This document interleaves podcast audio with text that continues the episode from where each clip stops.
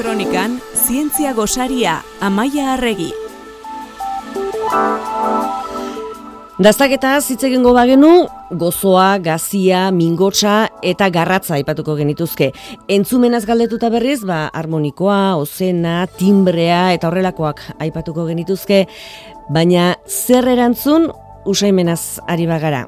Asko pentsatzen jarrita, usain ona eta txarra, seguruenik, hortik aurrera gutxi, baina ona edo txarra dikotomia horrez gain usaimenak baditu, xetasun eta kuriosidade asko, eta hoiei buruz hitz egin behar dugu zientzia gosarionetan, amaia arregi Donostia International Physics Centerreko ikerlari eta komunikazio arduraduna, egunon? Kaixo, egunon behar. Usaimena uste baino barneratuago dugun zerbait da eta ona eta txarretik baino askoz gehiago duena, ala? Bai, bai, niri oso interesgarri iruditzen zaidan gai bata eta eta bueno, gaur pentsatu honi buruz hitz egin dezakegula. E, begira, e, mila beratzen da laro zazpian, argitaratu zen ikerketa batean, amatalde batek beren aur jaio berrien usaia identifikatu behar zuten aur desberdinek erabilitako erroparen artean. E, beraietako askok, usai guztiak berdinak iruditzen zitzaizkiela esan zuten, eta inongo konbentzimendurik gabe aukeratu e, zuten artikuluetako bat. Hala ere, e, bere pentsatzen zuten bat zekitela, baina euneko laro marrak asmatu egin zuen zein zen bere aurraren usaia e, emaitza harrigarria izan zen. Eta, bueno, ba, honek iradukitzen zuen, alde batetik aur bakoitzak usai bere izgarri bat zuela, eta bestetik ama bakoitzak e, gaitasun agian instintibo bat usai hori detektatu izateko. Baina usaimena eh, zer da? Alegia nola airean dagoen horren usaia nola hartzen du personak? Bai, bueno, nano alarien gana joango gera erantzun e, zehatz baten bila, e, eta gainera, e, bueno, e, 2000, e, eta laua oso urte garrantzitsua izan zen usaimenaren zatzeren, Nobel saria jaso zuten Richard Axel eta Linda Bebakek usaimenaren errezeptoreen eta e, usaimen sistemaren antolakuntzaren aurkikuntzagatik. E, eta horrela mantzeten erantzuna, ba, aspaldiko galdera bati. E, amar mila usaietik gora nolatan hauteman eta gogora ditzakegun. E, gene familia handi bat aurkitu zuten, mila bat genek osatuta, eta, eta bueno, honek e, suposatzen du gene guztien euneko irua usaimenari, e, usaimenaren zatera biltzen direla. Neri edatu hau adirazgarra iruditzen zaitzaren oso, oso altua da euneko irua, ez? Gene, genetikan, mm. bueno, genomako euneko irua usaimenerako erabiltzea. Gene horietatik e, beste inbeste usai errezeptore mota ateratzen dira, e, eta bueno, arnasten ditugu molekula usaintxuak sudurreko e, zelu zeluletako errezeptorei lotzen zaizkie eta gero ja seinale elektrikoak bidaltzen ditugu garunera. Ordan, usaimena da dudari gabe zentzumenik sentikorrena eta berezi ere bada zeren usaimen epitelioa nervio bukaera soilo osaturi dago. Hau da gure suderzulen bukaeran, ba, e, molekula hauek identifikatzen duten zelulak e, e, neuronak dira, ne, e, usaimen neuronak dira e, eta hauek dira nervio sisteman e, kanpokalderekin harremana duten e, e, neurona bakarrak. E, ordan, pues, bueno, e, garuna eta kanpokalderen arteko e, harreman zuzen bat dago hor.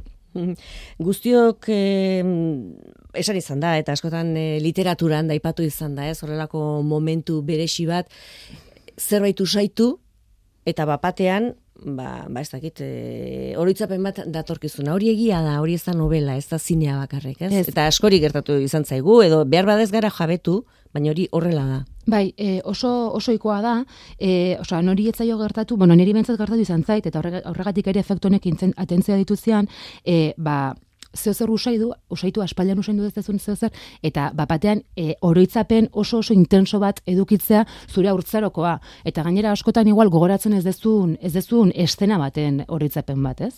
E, prozesu horrek proust efektua izena du, eta ba, bere bitarte zentzumenek iraganeko gertarak askatzen dituzte oso modu bizian, emotiboan eta involuntarioan. Nahi gabe gertatzen da, eta horregatik hori ikertzea eta aztertzea ez daina zeren involuntario den prozesua da.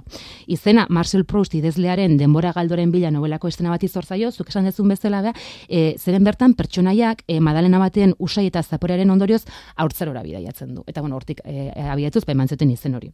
Orduan, e, gertatzen dena da usaimena erlazionatua dagoela memoriarekin e, gainentzeko zentzumen ezagunak baino. E, zergatik, ba, usaimena zuzenean sistema limbikora doalako. Eta emozio primarionek, osea, sistema limbikoa emozio primarionekin erlazionatutako burmuineko atala da.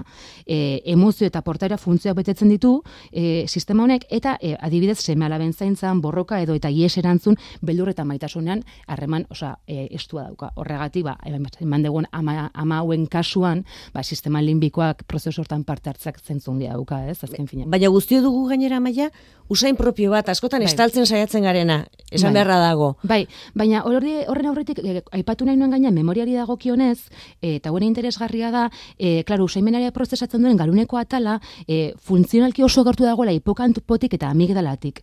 Hiru bi hiru sinapsidara. Konton eduketa e, garunean e, milaka milioi e, ga, neurona ditugula, bi hiru sinapsitara egotea, osea, bi hiru neuronara egotea, e, ba, ez da ezer, osea, ondoan daude. Eta claro, hipokampo eta amigdala memoria prozesutan parte hartzen dute eta horregatik eragiten du saiak modu azkar eta intentsiago batean oroitzapen eta emozioekin eh bueno, harreman hori. Beraz, benetako larrosaren usaiak, memoria gehiago astintzen digu, larrosaren usaia aipatze utxak baino, ez? Hori da.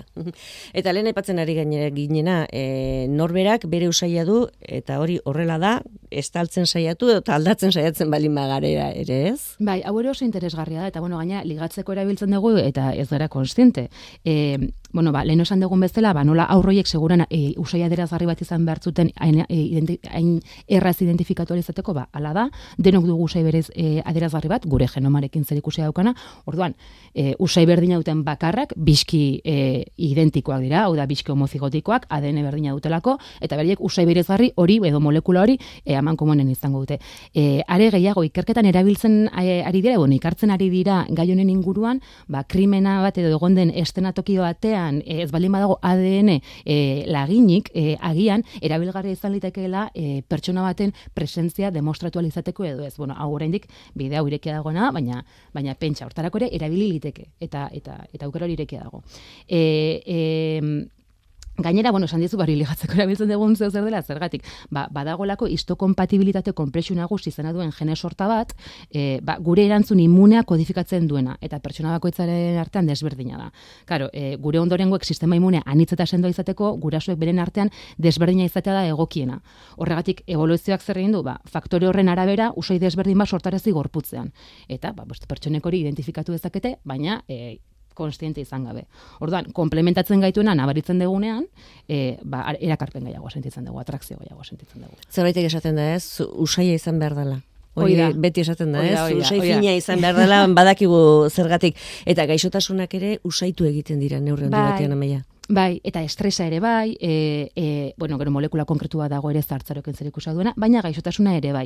Eta gainera e, oso berez, e, oso xelebra iruditu zaidan e, ikerketa bat e, aipatu nahi nizuen, zeren, bueno, badibidez, e, e, Barcelonako ospitale klinikoan txakurrak erabiltzen ari dira, badakigu oso, oso usaimen fina daukatela, ego baina asko zobea, eta erabiltzen ari dira gaixotasunak identifikatu ahal izateko. Zergatik, badibidez, biriketako minbizaren kasuan, bueno, eta gaixotasun gehienen kasuan, bueno, ba, e, gure arnasean kanporatzen ditugun biomarkagailua daude, e, gaixotasun horrekin zer ikusi dutenak. Hori identifi- identifikatzea ez da bat ere erresa, gaur egun, ba, sudur elektroniko bat erabiliz edo teknologia punta, puntako teknologia erabiliz ezin dugu igual biomarkagailu hori identifikatu, baina txakurrek bai e, identifikatu dezakete eta ikerketa handiak egiten ari dira txakurrekin e, Barcelonako ospital klinikoan.